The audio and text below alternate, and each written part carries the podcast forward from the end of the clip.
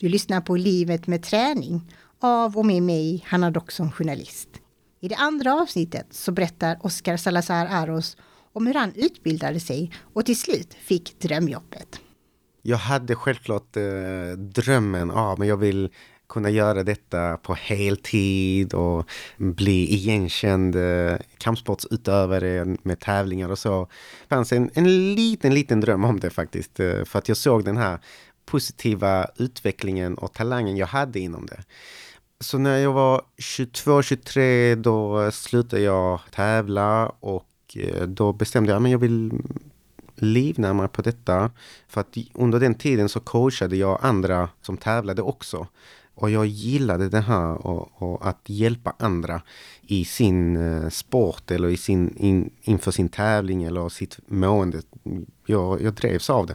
Vad är skillnaden mellan att träna själv och coacha andra? Det är ju verkligen en, en, ett verktyg, ett redskap som inte alla kanske behärskar, men som när du väl behärskar det, när du hittar ett sätt att, att använda det. Man blir väldigt driven i se den utvecklingen bara.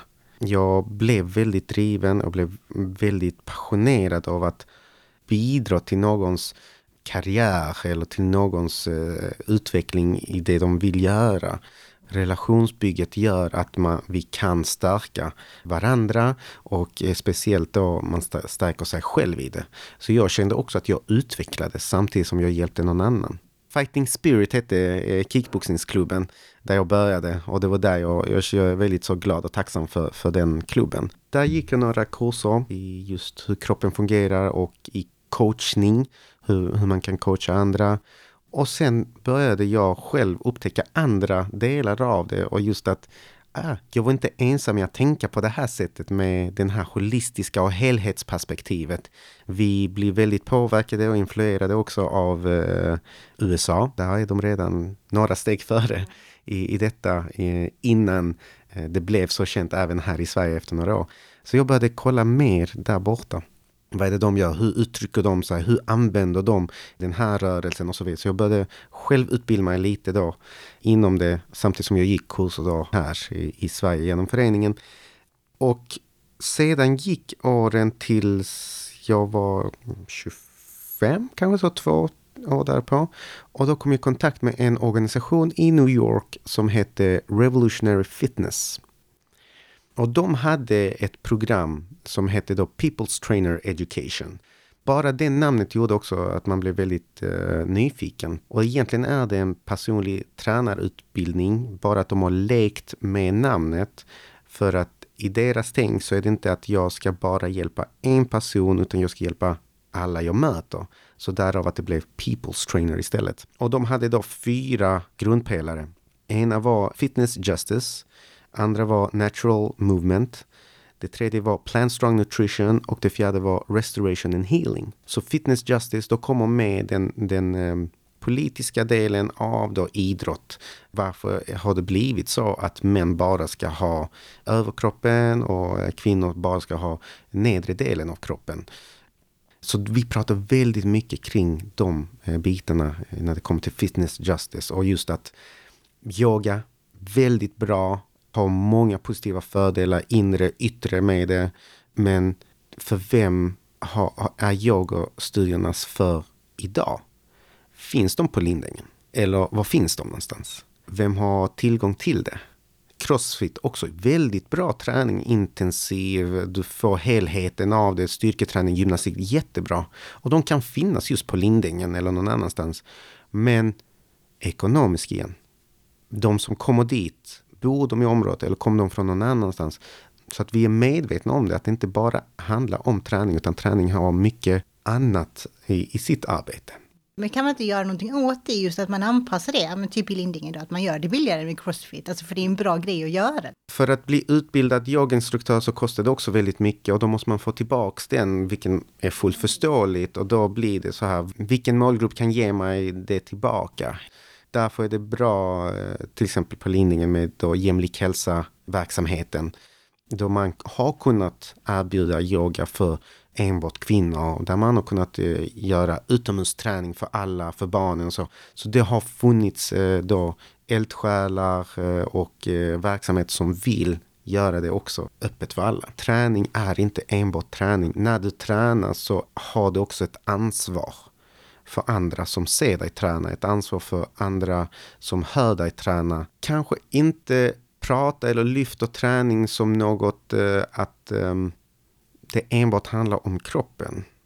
Att du ska se ut på ett visst sätt eller att du ska enbart äta på ett visst sätt. Då blir det mycket eh, negativ koppling till träningen. Skolan till exempel, idrottslektionerna, då är det prestationsångest. För att eh, då blir det att idrottslektionen är kopplad till ett betyg.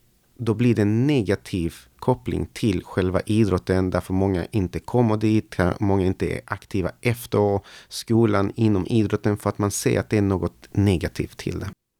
Så där bär vi ett ansvar av hur vi presenterar träning för andra. Vad är det egentligen? Men jag tänker det här med eldsjäl eh, som jobbar på Lindängen. Du blev ju en eldsjäl som gjorde det.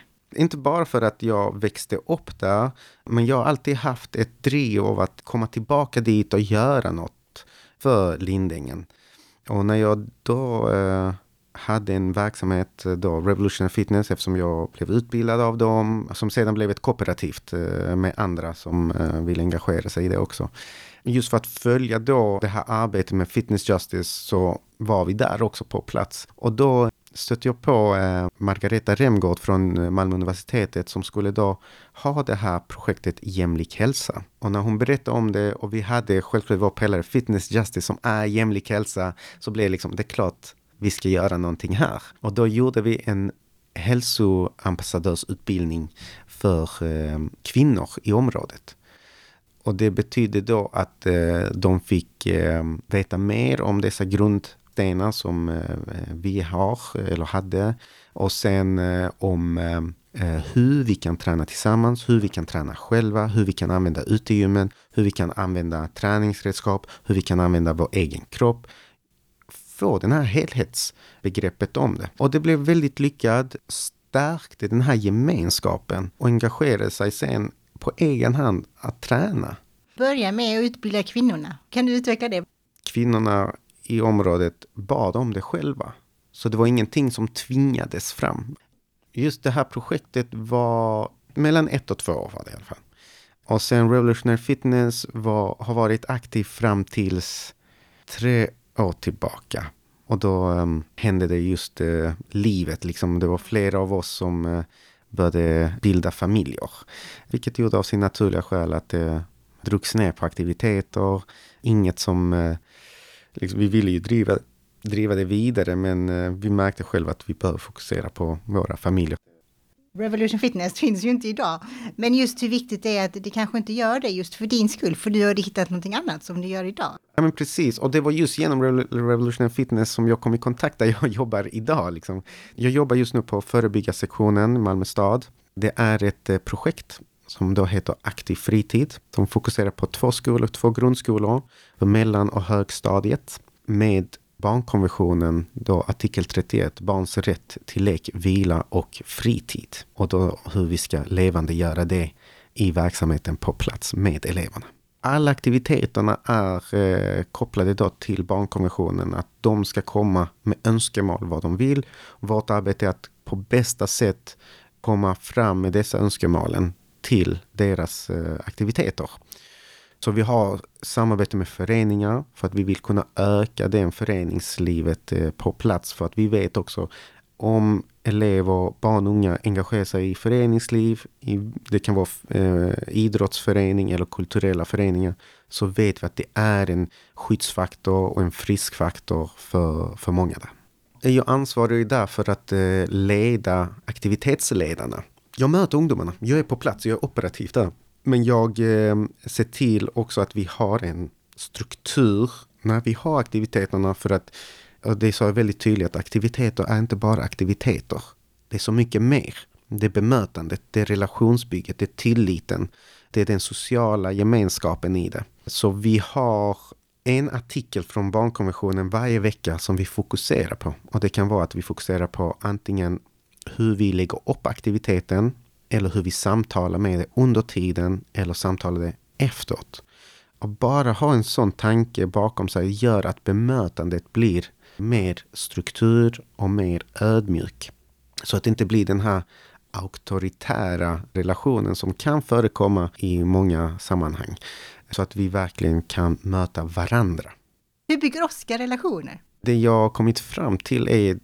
den här um, nyfikenheten av att kunna saker från alla.